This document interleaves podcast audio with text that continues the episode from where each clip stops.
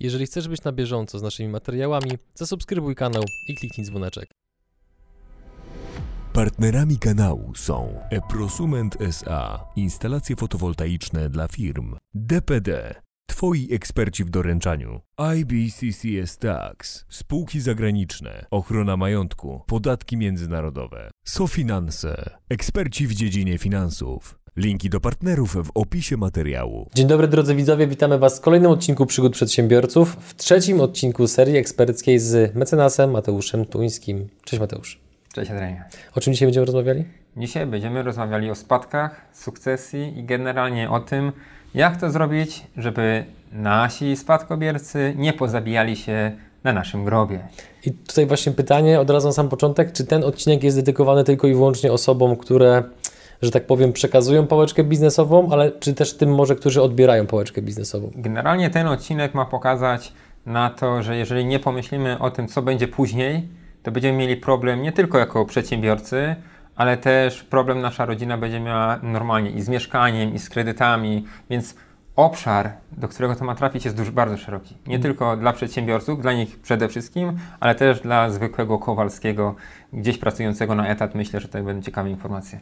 Dlatego, jeżeli Was akurat, być może z jakichś powodów ten temat nie interesuje, ale wiecie, że na przykład Wasz znajomy czy ktoś bliski akurat uczestniczy w pewnym procesie dotyczącym spadku, dotyczącym przejęcia przedsiębiorstwa, dobrze mówię? Tak. To takiej osobie koniecznie wyślijcie link, bo w ten sposób prawdopodobnie zrobicie dla niej coś dobrego. A my przechodzimy teraz do konkretów. Pierwsze pytanie. Dlaczego po śmierci spadkobiercy może dojść do wojny pomiędzy spadkobiercami? Generalnie moje doświadczenie wskazuje, że bardzo często dochodzi do nieporozumień pomiędzy spadkobiercami. Przykład z zeszłego miesiąca. Umiera pan, który prowadził firmę transportową. Mamy przedsiębiorstwo, kilka tirów stoi i teraz mamy pełnoletnie dzieci i małżonkę. I małżonka nie chce prowadzić już dalej tego przedsiębiorstwa, po prostu ma dość. Dzieci uważają, że trzeba prowadzić, ojciec całe życie rozwijał tą firmę i teraz jest spór. I bez uregulowania pewnych rzeczy, jak to ma się dalej dziać po śmierci, mamy sytuację taką, że tak naprawdę ta firma rodzinna która no, ideą było to, żeby te dzieci to kontynuowały. Zresztą jeden z synów jeździł na tych tirach, ma e, wszystkie uprawnienia, żeby to dalej funkcjonowało, ale ktoś nie zadbał, zapomniał o tym. I teraz jest spór, bo mama puściła focha na dzieci, mówiąc kolokwialnie, że one chcą, bo ona ma dość, bo ojca cały czas nie było. Ona widzi tutaj przysługę dla dzieci, że ich żony będą miały je w domu, nie będą musiały wyjeżdżać i tak dalej. No, to może zabić. To jest jakby jeden obszar, taki powiedzmy delikatny. Drugi obszar jest taki, jeżeli jesteśmy na przykład w związku konkubenckim i ktoś nie tolerował na przykład z rodziców naszego partnera, partnerki, jemu przypisaliśmy to w testamencie, no to nagle może się okazać, albo w ogóle nie rozstrzygnęliśmy tej sytuacji, to nasz partner, z którym żyliśmy, chcielibyśmy go zabezpieczyć, no zostaje z niczym. Takie są realia. Natomiast jeżeli zrobimy zwykły testament i nie pomyślimy o innych rzeczach, to nagle ta zawiść, ta złość, że nie było na przykład ślubu kościelnego albo innego, sprawi, że będziemy walczyć, czy to o zachowek, czy jakieś inne uprawnienia i to jest kolejny jakby obszar. Mhm. Dalej, jeżeli mamy sporo spadkobierców, albo na przykład nie chcemy, żeby ktoś otrzymał spadek i nie zdążymy napisać dobrego testamentu, to nagle się okazuje, że odnajdują się dzieci, które nie otrzymały z nami kontaktu, a które wyciągają rączkę po pieniążek, żeby to spłacić, a to rodzi problemy, przesuwa wiele rzeczy w czasie. Postępowania sądowe są bardzo długie, gdy chodzi o sprawy spadkowe, jeżeli jest konflikt, bo są biegli. My mamy na przykład najdłuższa sprawa, którą toczę, jest od 2009 roku która jeszcze się nie skończyła. Liczę na to, teraz weszły przepisy covidowe. Możesz, Adrianie, jakby. Szedłem na studia wtedy. Tak, generalnie jest, to jest sprawa, którą ja jeszcze przejąłem po innym pełnomocniku, który zaczynał ją, jak gdzieś tam w środku trafiłem w tą sprawę.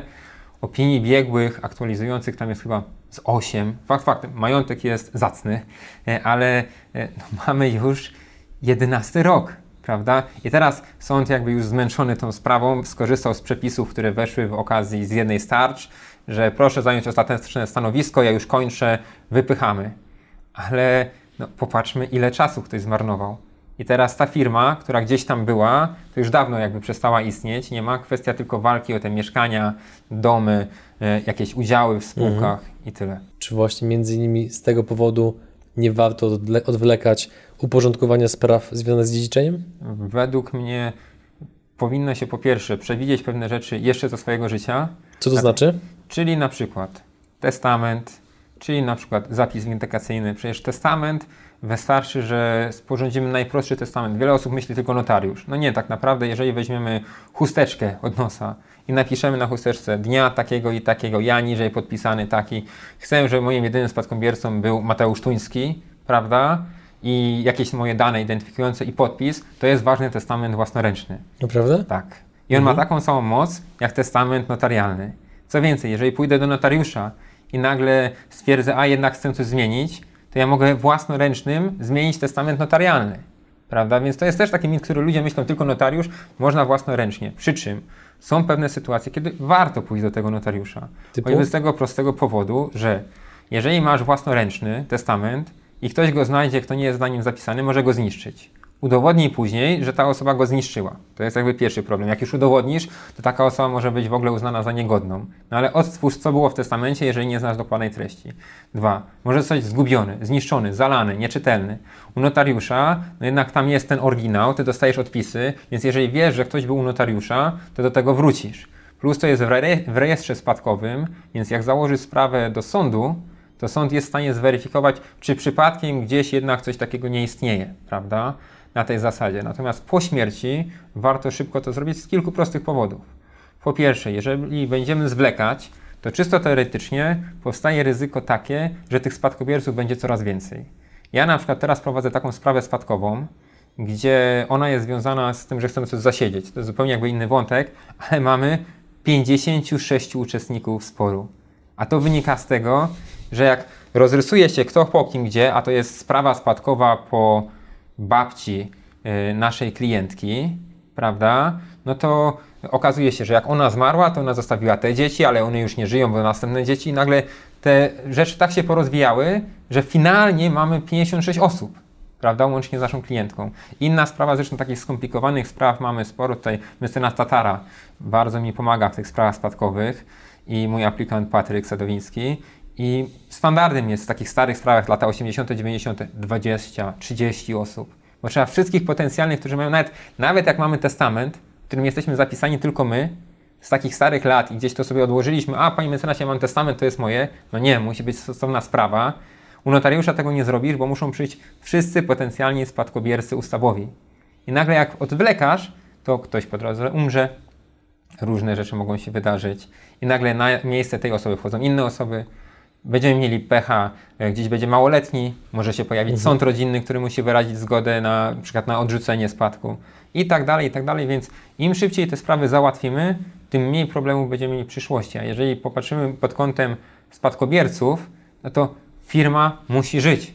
Jeżeli my będziemy mieli sprawę spadkową, w której same poszukiwanie potencjalnych uczestników postępowania zajmie nam rok, a w tej sprawie 56 osób to my rok czasu ustalaliśmy po urzędach w ogóle, czy ktoś zmarł, czy żyje, gdzie mieszka, jak to uzyskać. Pewnie Naprawdę- historia o tym to by się nadawała na osobny odcinek. same rozrysowanie u nas w magicznej tablicy, kto gdzie z kim, no to to naprawdę dynastia to jest pikuś w porównaniu z tym, ja- ja- jak to, jak to wyglądało, ale i koszty. No przecież ktoś musi nam zapłacić za czas, który na to poświęcamy, bo to nie jest łatwe zadanie, żeby to wszystko e, zrobić. Więc Rozwinąłeś warto pojęcie testamentu, przy- wybacz, że ci Mhm. wszedłem w słowo, ale też użyłeś sformułowania zapis windykacyjny. Mhm. Co to jest? Zapis windykacyjny to jest taka specjalna instytucja, która się pojawiła w prawie spadkowym, która polega na tym, że idziemy do notariusza i zapisujemy, że tą konkretną rzecz, określoną co do, do tożsamości, czyli mogącą być zindywidualizowaną, albo konkretne prawo, albo to konkretne przedsiębiorstwo, bezpośrednio po mojej śmierci nabywa konkretna osoba. Czyli ona y, nie musi jakby czekać na całe postępowanie spadkowe, tylko już po mojej śmierci, jeżeli przyjmie ten zapis, no to ona staje się właścicielem tej konkretnej rzeczy, tego konkretnego prawa, tego konkretnego przedsiębiorstwa. I to jest pewne tych na przykład konkretnych udziałów w spółce ZO i to pozwala jakby uniknąć choćby częściowo sporów. I to jest tak właśnie bardzo ważne z punktu widzenia takiego, że jeżeli chcemy, żeby ktoś szybko przejął jakieś udziały albo przedsiębiorstwo, to w ten sposób możemy ten temat e, zabezpieczyć i uniknąć długoletnich sporów. Bo tam w tle może się toczyć kolejny spór, kto jest spadkobiercą, kto, ale ten składnik mamy. Bo w zwykłym testamencie takie rozdysponowanie, kto co ma dostać, to albo będzie jako zwykły zapis i wtedy nie stajemy się od razu właścicielami, tylko musimy wystąpić przeciwko spadkobiercom i dopiero z powrotem. I miałem taką sprawę też 6 lat y, z rozliczeniem zapisów, albo inna sprawa 8 lat. Polegała na tym, że zmarły filozof tak napisał testament, tak rozdysponował wszystkie rzeczy, że finalnie to wyczerpało cały spadek i wtedy sędzia siedział i liczył, ile jaki składnik jest warty i w związku z tym ty dostałeś na przykład mieszkanie za 300, ty dostałeś samochód za 16, ty dostałeś ciuchy i zegarki za ileś i teraz 16 tysięcy w skali całego majątku to jest taki procent, więc ty dziedziczysz, dziedziczysz w ułamku 7,2%. I nagle powstaje taka karykatura sprawy spadkowej, że to jest po prostu dramat, prawda? Co więcej, no w międzyczasie są koszty prowadzenia tego mieszkania, jakieś podziały, ewentualnie chciałbyś zachowek, bo więcej. Mhm. I no, no nie warto. Natomiast Czym jest zachowek? Od razu rozwiń proszę. Mm, Zachowek to jest rzecz, którą kiedyś ludzie słyszeli, ale nie używali, a teraz to jest standard, jakby zaskoczeniem jest, jeżeli osoba, która nic nie dostała w spadku, nie, e, nie chce czegoś w zachowku. Teraz zachowek to jest równowartość pieniądzu połowy tego, co byś dostał, gdybyś był powołany z ustawy. Taka nomenklatura prawnicza troszkę, ale na czym to polega? Załóżmy, mamy trójkę dzieci, prawda? I y, mamy powołanego do spadku tylko jednego syna. Mamy na przykład drugiego syna i córkę. I teraz, gdyby nie było testamentu, w którym ten jeden dostał, to oni by dziedziczyli w jednej trzeciej każdy. Skoro dostał wszystko ten jeden, no to oni są stratni. Zachowek jest po to, żeby jakby zachować pewną równowagę w rodzinie, no jednak żyjemy razem, należy się wszystkim coś.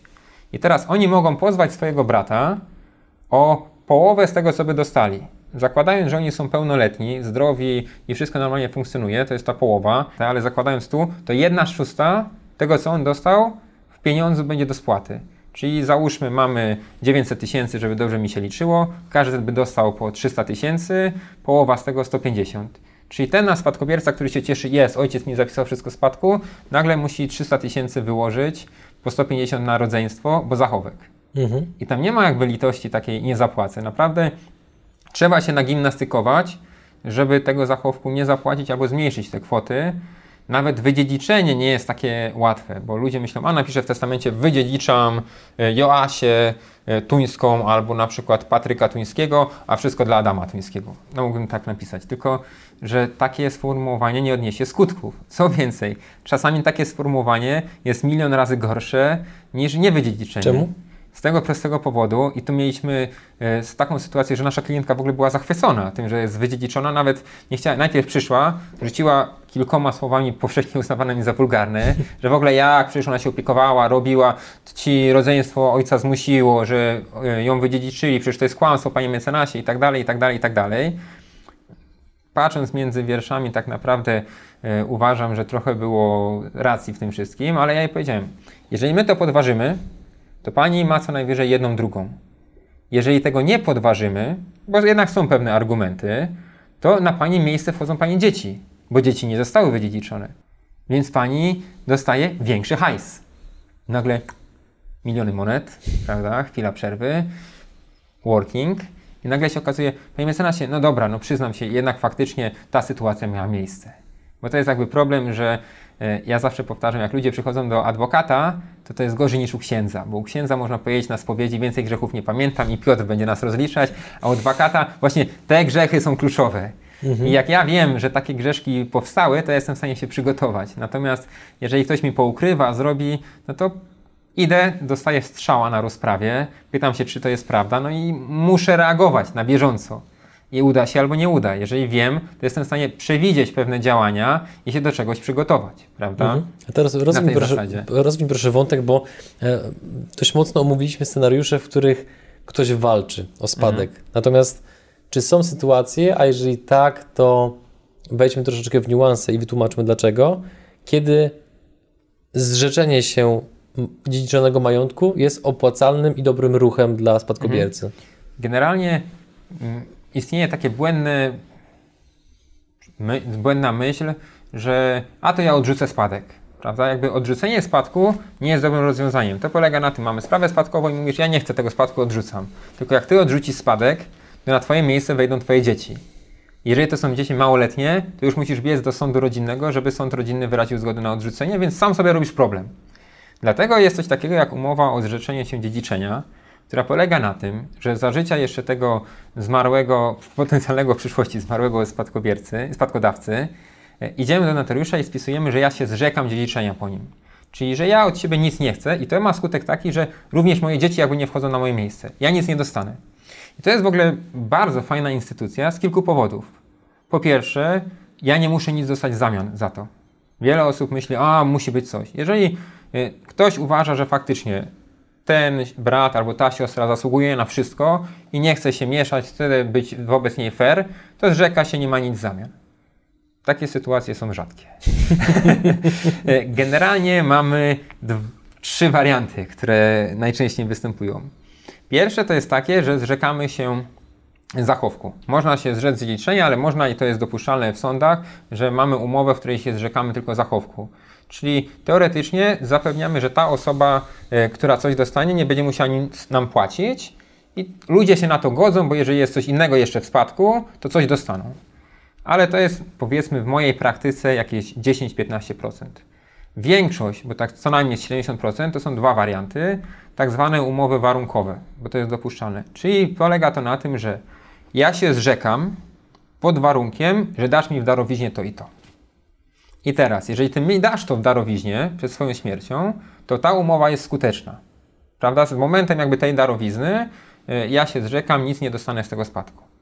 I drugi wariant jest taki, że ja się zrzekam pod warunkiem, że będą dziedziczyć ci i ci. Prawda? Czyli jeżeli ty faktycznie przepiszesz wszystko na przykład na moje dziecko, czyli na przykład na swojego wnuka, to ja wtedy się zrzekam i luz, nic nie będę chcieć. Ale jeżeli nagle się okaże, że na ty, na tą Francję, którą tam masz i przyprowadziłeś i teraz ona jest y, zamiast mamy i której nie toleruje, to przepiszesz, to to w ogóle jest nieważne. I taki warunek też jest istotny, czyli on jest rozwiązujący. W momencie, jeżeli się okaże, że ktoś inny będzie spadkobiercą, mhm. no to ta umowa jest bezskuteczna. Tu było mnóstwo kontrowersji z tym, ale finalnie jednak orzecznictwo idzie w kierunku takim, że skoro nie ma zasady, że nie wolno, to można wprowadzić warunki i to jest standard, który często są wprowadzane. Zresztą jak przychodzą do nas ludzie e, myślący o przyszłości, właśnie nie przedsiębiorcy, tylko zwykli kowalscy i się pytają, jak to rozwiązać, to my takimi mechanizmami jesteśmy w stanie zminimalizować pewne konflikty. A to jest jakby bardzo cenne, bo jak ktoś będzie patrzeć albo z góry, albo się będzie wychylać z dołu, to będzie miał chociaż ten spokój, że ludzie się nie pozabijają, prawda? Więc dlatego taka umowa zrzeczenia się, czy to dziedziczenia, czy choćby nawet zachowku, mhm. pozwoli pomóc, zwłaszcza w kontekście, jeżeli robimy tylko na przykład zapis windykacyjny przedsiębiorstwa dla kogoś i nie chcemy, żeby ten ktoś, kto dostanie przedsiębiorstwo, nagle płacił całej rodzinie mhm. tutaj jakieś zachowki, bo to może zabić firmę. To jest jedna, jedno z rozwiązań. Tych rozwiązań jest wiele, ale to, to jest jedno z rozwiązań, które proponujemy naszym klientom. To teraz wróćmy do przede wszystkim przedsiębiorców i pierwsze pytanie, co się dzieje z umowami po śmierci przedsiębiorcy prowadzącego JDG?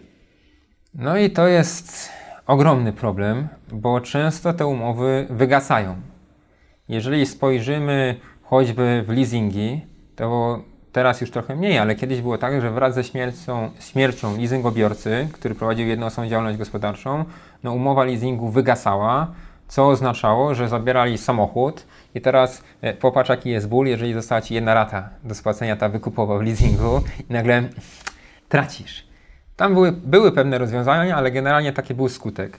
E, umowy z pracownikami jeszcze do pewnego momentu było tak, że one wygasały. To jest bardzo bolesne, bo w tym momencie musisz wypłacić takim pracownikom e, odszkodowanie w wysokości tego okresu wypowiedzenia, który miał. Nagle się okazuje, że się rodzi jakiś dług.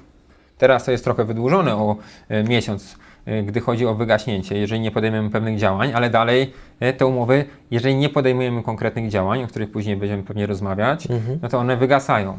Umowy z kontrahentami różnego rodzaju na dostawy, sprzedaż, no one też mogą wygasnąć. Koncesje. Zasadniczo, jeżeli nie zadbamy, no to firma, przedsiębiorstwo umiera, prawda? I tyle. Jest taka ciekawa historia, z, którą my mieliśmy, mianowicie pan umarł, było dużo towaru, i tutaj klienci myśleli, że mogą nabijać na kasę fiskalną dalej, prawda? No bo towar trzeba sprzedać. nie chcieli robić tego. Nie klienci. E, pracownicy, przepraszam.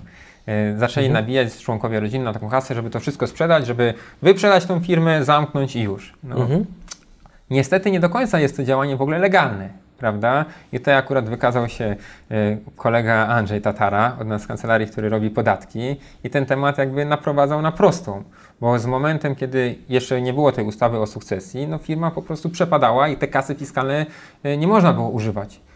To jest w ogóle powiązane, nie wiem czy Adrianie wiecie, czy ludzie wiedzą, jak ktoś umiera, jest akt zgonu, on wchodzi do systemu i przez system jednego okienka to od razu idzie do CIDG. I CIDG od razu wie, że ciebie już nie ma. I jeżeli ty nie podejmiesz pewnych działań, no to sorry, nie ma ciebie, nie ma twoich umów, nie ma twojej firmy. To teraz przejdźmy płynnie w takim razie do sukcesu. Jak do tego podejść mądrze za życia? Mhm. Generalnie widząc te wszystkie problemy, które się pojawiały, bo ludzie szukali różnych rozwiązań, tworzyli pełnomocnictwa, które nie wygasały po śmierci, prokury, które dalej jakby trwały, które jednak mhm. były bezskuteczne z uwagi właśnie na to, że z chwilą śmierci NIP wszystkie rzeczy były znikały i powstała ustawa związana z zarządem sukcesyjnym. I teraz najlepszym rozwiązaniem, jeżeli już bardzo chcemy prowadzić działalność gospodarczą, bo to w ogóle jest fenomen, jeżeli się spojrzy w skalę europejską, że na zachodzie, jeżeli firma zatrudnia kilkudziesięciu pracowników, robi obroty e, kilkuset tysięcy euro, kilka milionów, to zazwyczaj jest spółka. E, u nas jest mnóstwo jednoosobowych działalności. Dlaczego? Nie wiem, ciężko mi powiedzieć dlaczego. Może przywiązanie do tego, może z tego względu, że łatwiej jest jakby obracać tymi pieniędzmi. Można kupić bułkę. Można kupić bułkę, nie trzeba tego rozliczać do pewnego pułapu, prawda? Mamy mhm. 2 miliony euro, które jest tym pułapem, do którego nie trzeba pełnej księgowości robić, o ile dobrze pamiętam. Więc e, wprowadzono rozwiązanie zarządu sukcesyjnego i możemy ustanowić zarządcę sukcesyjnego, czyli taką osobę, która bezpośrednio po naszej śmierci będzie kontynuować naszą działalność do momentu, aż jakby sfinalizuje się przejęcie przedsiębiorstwa przez spadkobiercę, prawda? Ewentualnie zostanie podjęta decyzja o tym, że nikt nie będzie chciał kontynuować działalności i mhm. jakby w taki kulturalny sposób się ją wygasi. I dlaczego to jest ważne, żeby to zrobić za życia? Otóż po pierwsze mamy wpływ kto ma być naszym sukcesorem. jakby moje doświadczenie wskazuje, że albo to jest ktoś z rodziny, którego wdrażaliśmy, bo jakby dobra sukcesja, w mojej ocenie, to powinna się wiązać z tym, że sukcesorem, tym zarządcą sukcesyjnym będzie osoba, która zna nasz biznes. Zna ludzi, ma jakiś respekt u tych ludzi, zna branżę, a nie byle kto. E, zdarzają nam się sytuacje, kiedy przygotowujemy na zarządcę sukcesyjnego, na przykład któregoś z dyrektorów który działa, bo to też jest w ogóle fenomen, że mamy jednoosobową działalność gospodarczą, w której mamy stanowisko dyrektor zarządzający, dyrektor finansowy, mhm. super wizytówki, tylko jeżeli już jesteś tak wysoko w pewnych strukturach własnych organizacyjnych, to czemu nie spółka, prawda? Jakby y, pokazując pewne argumenty, później będziemy o tym mówić, ja coraz częściej nakłaniam tych klientów, żeby oni szli jednak y, w spółki, które wydają mi się mimo wszystko są bezpieczniejsze. bezpieczniejsze. Więc znajdujemy kandydata, rozmawiamy z nim. Jest to osoba niekarana za takie przestępstwa, innymi oszustwa, przestępstwa menedżerskie. Jest to osoba, która e, jest osobą fizyczną, czyli nie możemy sobie spółki powołać na zarządcę sukcesyjnego. Posiada pełną zdolność do czynności prawnych, czyli może wszystkie umowy zrobić, nie jest małoletnia, ani nie jest y, ubezwłasnowolniona w żadnym zakresie. I taka osoba mówi, ok, zgadzam się na to. Idziemy do notariusza, ustanawiam tam takiego zarządcę, on wyraża zgodę, idzie konkretny wpis do CIDG i w CIDG taka osoba jest wpisana. I teraz jak ona y, umiera, ten y, przedsiębiorca i wówczas taki zarządca podejmuje szybko działania, żeby po pierwsze NIP zgłasza informacje i nasze przedsiębiorstwo się przekształca na przykład w Kancelaria Adwokacka Mateusz Tuński w spadku taki zapis dostaje do końca i ona działa po prostu e, w takiej formule. I on płynnie podejmuje dalsze działania. To jest jakby rozwiązanie idealne dla świadomego przedsiębiorcy, który za wszelką cenę chce prowadzić jednoosobową działalność gospodarczą. Drugie rozwiązanie jest takie w stylu jestem niezniszczalny, w ogóle śmierć, co wy tam mówicie, jedyne co to podatki są e, nieuniknione, a tak naprawdę moja optymalizacja to nawet podatki mi pozwala, nic mnie nie ruszy, jestem niezniszczalny, prawda? I nagle dzwon. Różne. My mieliśmy sprawy spadkowe, gdzie ktoś nagle w wypadku ginie, jest problem z dużą firmą, prawda? I teraz w takiej sytuacji, dzięki tej ustawie, mamy dwa miesiące na to, żeby zebrać tych spadkobierców, którzy są, i oni mogą takiego zarządcę e, powołać, prawda, u notariusza. Tylko za powołaniem musi zagłosować 85 tak, 85 y, setnych y, osób, które są spadkobiercami. I teraz to jest jakby niebezpieczne, dlatego warto pomyśleć przed śmiercią, bo jeżeli mamy na przykład żonę i dwójkę dzieci, to jeżeli jest żona i dziecko za takim rozwiązaniem, ale drugie dziecko jest przeciw, to my nie uzbieramy takiego pułapu, żeby to zrobić i będzie problem. Dlatego to jest dość ryzykowne, ale takie rozwiązanie jest. I też wybieramy zarządcę, on się zgadza, wchodzi i kontynuuje tą działalność, czyli nawet po śmierci mamy jeszcze taki czas na ustanowienie tego zarządcy, a jeżeli nie chcemy, to ta ustawa nam daje takie rozwiązanie, że przez dwa miesiące możemy wykonywać tak zwane czynności zachowawcze. Czyli wchodzisz na magazyn, patrzysz, że jest taki stan, yy, robisz ekstra promocję na Allegro, puszczasz wszystko na super wyprzedaży, w dwa miesiące to wszystko sprzedajesz, tylko tam zgłaszasz odpowiednie rzeczy i jesteś w stanie w tym czasie pozamykać te wszystkie tematy. To też jest jakby furtka, my mówimy w dużym jakby uproszczeniu, prawda, bo to jest wątek Zbyt naprawdę obszerny. rozbudowany, ale jakby wskazuje pewne rozwiązania. Tutaj co do szczegółów, czy to u siebie na blogu będę pisać, czy będą jeszcze inne materiały, tutaj na końcu o tym powiemy, ale chciałbym zasygnalizować, że jest nadzieja. Jak ktoś umiera, to nadzieja jeszcze żyje, prawda? Na tej zasadzie można uratować firmę, bo do tych przedsiębiorstw rodzinnych, czyli osób prowadzących jednoosobowe działalności, które utrzymują całe rodziny, ta rodzina jest, no trochę u nas jest, prawda? Są całe stowarzyszenia przedsiębiorstw i y, wiele osób mówi, chciałbym, żeby moja firma była kontynuowana. Nie po to tyle lat na niej działam, żeby ona umarła. I tak bardzo myślę, żeby ona nie umarła, że tego nie zabezpieczam. I, no jest problem, Jest prawda? I teraz y, dlatego super, że zapytałeś, czy trzeba szybko działać w sprawach spadkowych. No jeżeli mamy tak krótki czas jak dwa miesiące, no to jeżeli będziemy się kłócić i walczyć, no to miną nam te terminy i, i koniec. Już nie ma jakby zwróć. Później mamy poszczególne składniki do rozdysponowania, ale musimy założyć nową firmę.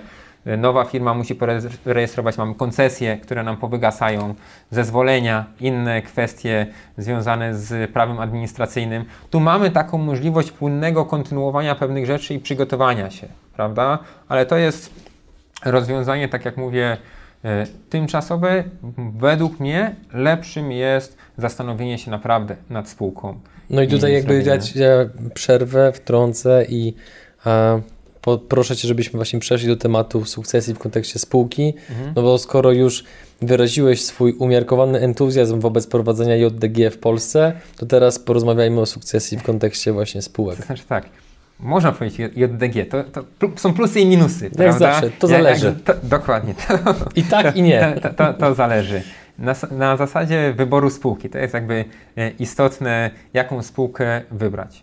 Załóżmy, stwierdziłeś, zakładam spółkę cywilną, prawda? Spółka cywilna. No jak już rozmawialiśmy Ciężko w poprzednim... tak stwierdzić, ale dobra, załóżmy tak. na potrzeby. Mamy y, poprzedni odcinek, gdzie rozmawialiśmy o tym, że spółka cywilna nie jest spółką cywilną.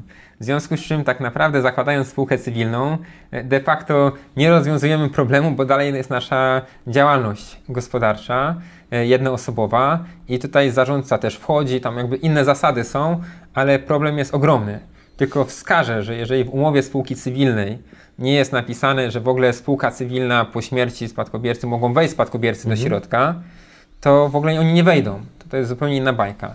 Wchodzimy zatem w spółki osobowe, czyli spółki jawna, e, spółka partnerska, komandytowa i komandytowa akcyjna. I teraz mamy sytuację taką, że mamy wspólników, mamy swój wkład w tą spółkę i umieramy. I teraz, jeżeli nie wprowadziliśmy pewnych zapisów do umowy, czyli takich, że na przykład po naszej śmierci spółka dalej funkcjonuje, w ogóle po śmierci wspólnika, no to jeżeli ktoś nie doczytał, to może się okazać, że nie, podjął, nie podejmą wspólnicy odpowiednich działań. My mieliśmy taką sytuację, że było trzech wspólników, e, jednemu się zmarło, mówiąc tak e, kolokwialnie, to bardzo nagle mu się zmarło. I zostało dwóch, którzy kontynuowali, ale zapomnieli złożyć oświadczenie o tym, że chcą kontynuować prowadzenie działalności. Tam jest, że niezwłocznie trzeba podjąć taką uchwałę, że ci pozostali chcą kontynuować. I tam był ogromny problem z tego względu, że po pierwsze, nie można już było używać tej nazwy, która była, bo był na przykład Kowalski, Nowak, Zięba, e, coś tam, coś tam, spółka jawna, prawda? Na tej zasadzie, no już nie ma pana Zięby. Na tej zasadzie. Więc to, to było jakby problematyczne.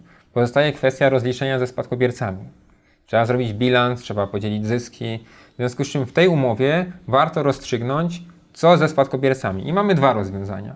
Albo piszemy, że spadkobiercy wchodzą w miejsce zmarłego wspólnika i to ma plusy i minusy. Plusem jest to super ekstra krótki zapis, prawda, fantastycznie. Minusem jest to, że jeżeli spadkobierców mamy kilku, to nie jest tak, że wszyscy wchodzą do spółki, tylko mamy taki prawniczy twór wspólnika zbiorowego. Czyli ci wszyscy ludzie tak naprawdę mają jeden punkcik, są jedną głową w tej spółce i muszą razem współpracować. Oni jakby przedstawiają swojego przedstawiciela i on w ich imieniu tam e, działa. Nie jest to najlepsze rozwiązanie. Znaczy, no, dla mnie brzmi przerażająco, Tak. nie wiem czy słusznie, ale tak. Jest, no, no słuchaj, no, wszystko muszą podejmować jakoś wspólnie się dogadywać. Jeżeli mamy konflikt, no to dalej spółka nie funkcjonuje, prawda? I pytanie, czy w tym momencie lepiej jednak nie zlikwidować tej spółki i założyć innej, bo źle to uregulowaliśmy. E, Drugie rozwiązanie jest takie, że wskazujemy, jaki typ spadkobiercy może wstąpić, czyli na przykład ten konkretny spadkobierca, albo z wykształceniem takim, albo ten, który już u nas tam pracował. I to jest o tyle komfortowe, że ta konkretna osoba wchodzi, a z innymi po prostu musi się rozliczyć jak za swoje udziały. I okej. I wreszcie jest trzecie rozwiązanie, gdzie mówimy, że wchodzą spadkobiercy, nie mówimy kto konkretnie. I to jest w ogóle bardzo ciekawe rozwiązanie. Raz tylko takie coś przeprowadzaliśmy, co było w ogóle ogromnym oburzeniem pozostałych trzech wspólników. Wyobraź sobie, że taki spadkobierca to był jedyny spadkobierca, jeden chłopak z testamentu, może żądać przekształcenia spółki jawnej w spółkę komandytową.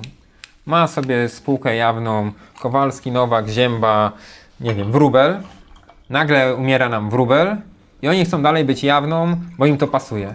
Mamy nazwę, kojarzą to, mamy pieczątki, mamy papier firmowy, poza tym mamy stopkę w mailu, my nie wiemy jak zmienić tą stopkę w mailu i w ogóle o co Ci chodzi. I wyobraź sobie, że kodeks spółek handlowych daje taką możliwość, że ja mogę wystąpić z żądaniem przekształcenia tej spółki w spółkę komandytową, gdzie ja będę komandytariuszem, a Wy komplementariuszami. Czyli ja jestem tym, który odpowiada tylko do pewnego pułapu kwotowego, natomiast Wy normalnie odpowiadacie tak jak do tej pory. I wtedy ta kwota, do której ja odpowiadam, to jest ta wartość wkładu mojego ojca akurat w tym przypadku. No i tam był w ogóle szok, że można takie roszczenie w ogóle zwrócić. W ogóle o co kaman, jak to chcecie, procedury, jakieś bilanse, spadki, kto za to zapłaci. I y, to jest rzecz, o której trzeba wiedzieć i można się przed tym y, ustrzec, choćby doprecyzowując, kto jak wchodzi, na jakich zasadach i świadome wprowadzenie do spółki innej osoby, ewentualnie nie wprowadzanie do spółki, ale ustalenie y, uczciwych zasad rozliczenia z tymi osobami. Teraz y, kwestia jest taka, mamy spółkę komandytową. I spółka komandytowa jest bardzo popularna, prawda? No nie oszukujmy się w celach różnych, przede wszystkim optymalizacyjnych i w kwestii odpowiedzialności podatkowej teraz zobaczymy. Jeżeli legendy się potwierdzą i ustawodawca wprowadzi, to zaczniemy się zastanawiać, czy podwójne opodatkowanie nie sprawi, że ta spółka komandytowa będzie jednak niekoniecznie e, ciekawym rozwiązaniem i będziemy szukać czegoś innego. Ale tam jest sytuacja taka, że jeżeli zmarły był komandytariuszem, czyli najczęściej tym fizycznym, który zbierał cały hajs, to wtedy spadkobiercy, jeżeli nie ma innych zapisów, wchodzą w jego miejsce. Tylko też, jeżeli jest jeden, no to spoko. Jeżeli jest więcej, to znowu mamy ten sztuczny byt, jedna głowa w środku, wszyscy tam decydują, prawda? Natomiast jeżeli był komplementariuszem, no to mamy zasady jak przy spółce jawnej, ale może się pojawić problem. Czy oby na pewno te osoby w ogóle chcą wejść? A jak nie będzie komplementariusza, no to racja bytu jakby spółki trochę odpada. Tu akurat przy ZO komandytowych to mamy spółkę ZO łatwiej, bo właśnie przechodząc do spółki ZO, tam to jest dużo prostsze. Mamy udziały, dziedziczą udziały, dostają udziały i dalej spółka kontynuuje. Na zasadzie osoba umarła, ci walczą o udziały, my sobie funkcjonujemy. O ile ta ilość udziałów nie blokuje nas w podejmowaniu kluczowych decyzji, dlatego warto to jakby w umowie rozstrzygnąć, no to normalnie płynnie działamy. Można też w umowie spółki rozstrzygnąć, że na przykład wejście spadkobiercy wymaga zgody, prawda? Albo tylko pewne kwalifikacje. Możemy wprowadzić ograniczenia, bo jednak spółki osobowe i spółka ZO mimo wszystko opiera się na pewnym zaufaniu, prawda? I ważne jest to, żeby sobie w tej umowie uregulować, czego formularze nie dają. S24 jest fajne, y, ale nie przewiduje, jak dobrze z tego wyjść, prawda? Więc to jest jakby szerszy problem, o którym warto porozmawiać. Kolejna kwestia, jak takie y, osoby spłacić, jeżeli nie chcemy, żeby one weszły. Co, weźmiemy kapitał 5000 zł, spółka warta bańkę, y, trzymajcie, wasz ojciec miał 1000 zł wpłacił i nara, prawda? I teraz wejdź w spór sądowy, gdzie spółka zamiast zarabiać pieniądze i zajmować się biznesem, to nagle walczy, wydaje na swojego prawnika. Zamiast ten prawnik, co robi obsługę, zajmować się umowami albo kontraktami, negocjacjami, to on dyma do sądu i czeka na ławeczce przed salą rozpraw, żeby powalczyć o to. Przychodzi biegły, trzeba iść na oględziny, trzeba im wszystko pokazać. Nagle konflikt, no bez sensu. Przy spółce akcyjnej jest łatwiej, bo nie jesteśmy w stanie w ogóle łatwiej i lepiej i gorzej. Na zasadzie e, nie jesteśmy w stanie powiedzieć, że nie damy Wam akcji, bo jest swoboda jakby przepływu akcji. Więc zasadniczo mhm. warto zrobić spółkę ZO i w niej funkcjonować, jakby swoje przedsiębiorstwo prowadzić, bo wtedy ta działalność faktycznie jest kontynuowana po naszej śmierci. Mogą spadkobiercy walczyć, ale e, to, nad czym pracowaliśmy, dalej funkcjonuje, prawda? Nawet jeżeli e, spadkobiercy nie wejdą, to oni dostaną e, odpowiedni ekwiwalent tego. Nie będą czuli się pokrzywdzeni, co do zasady, prawda? Wiadomo, że każdy będzie chciał więcej, ale zasadniczo to jest jakieś rozwiązanie. I to, jak zrobić taką spółkę, mamy trzy warianty. Albo możemy przekształcić jednoosobową działalność gospodarczą i wtedy przechodzimy na przykład w jednoosobową spółkę ZOO, w jednoosobową y, spółkę akcyjną, możemy się przekształcić. No, generalnie to są najczęstsze y, rozwiązania. Przechodzimy procedury, robimy plan przekształcenia, bilansy, trochę to kosztuje, ale zasadniczo przy dobrym poprowadzeniu i przy współpracy z klientem myślę, że w dwa miesiące jesteśmy w stanie skompletować całą dokumentację y, i, i to wdrożyć. Plusem takiego rozwiązania jest to, że wszelkie koncesje, umowy, wszystkie rzeczy przechodzą na ten nowy byt. Mimo tego, że on ma inny numer KRS, inne rzeczy, ale zasadniczo on nabywa wszystko. Pełna sukcesja i tak dalej. Ekstra, prawda? Mamy fajną sytuację już później możemy wprowadzić sobie innych wspólników, bo mhm. nie warto mieć spółki, w której jestem tylko ja, z tego prostego powodu, że jeżeli umrę i będą walczyć o moje udziały, to nagle nie będzie miał wybrać zarządu, odwołać zarządu, albo jeżeli jeszcze byłem jedynym e, udziałowcem i jeszcze jedynym członkiem zarządu, no to tak jak w jednoosobowej działalności, no, umiera byt. Jeszcze jak będziemy mieli pecha, to sąd nam wprowadzi kuratora i w ogóle on nam pozamiata. Wszystko jeszcze znajdzie trupy w szafie, to w ogóle okaże się, że będziemy na minusie na tym spadku. Ale jakby wracając do, to jest pierwsze przekształcenie. Drugie to, że wkładamy aportem nasze przedsiębiorstwo, w całości albo w zorganizowanej części przedsiębiorstwa do innej spółki albo do nowej spółki. To jest rozwiązanie takie pośrednie, z tego względu, że jeżeli włożymy całą spółkę, to część umów jakby jest kontynuowana, część jednak rzeczy e, wygasa, prawda? Jest to jakieś rozwiązanie, prawda, kontrolowane. I e, trzeci wariant jest taki, że zakładamy zupełnie nową spółkę. Nie bawimy się, to jest czasami rozwiązanie najtańsze, jeżeli nie, nie, na przykład nie mamy żadnych koncesji i innych rzeczy, jesteśmy w stanie na nowej spółce coś poprowadzić, prawda?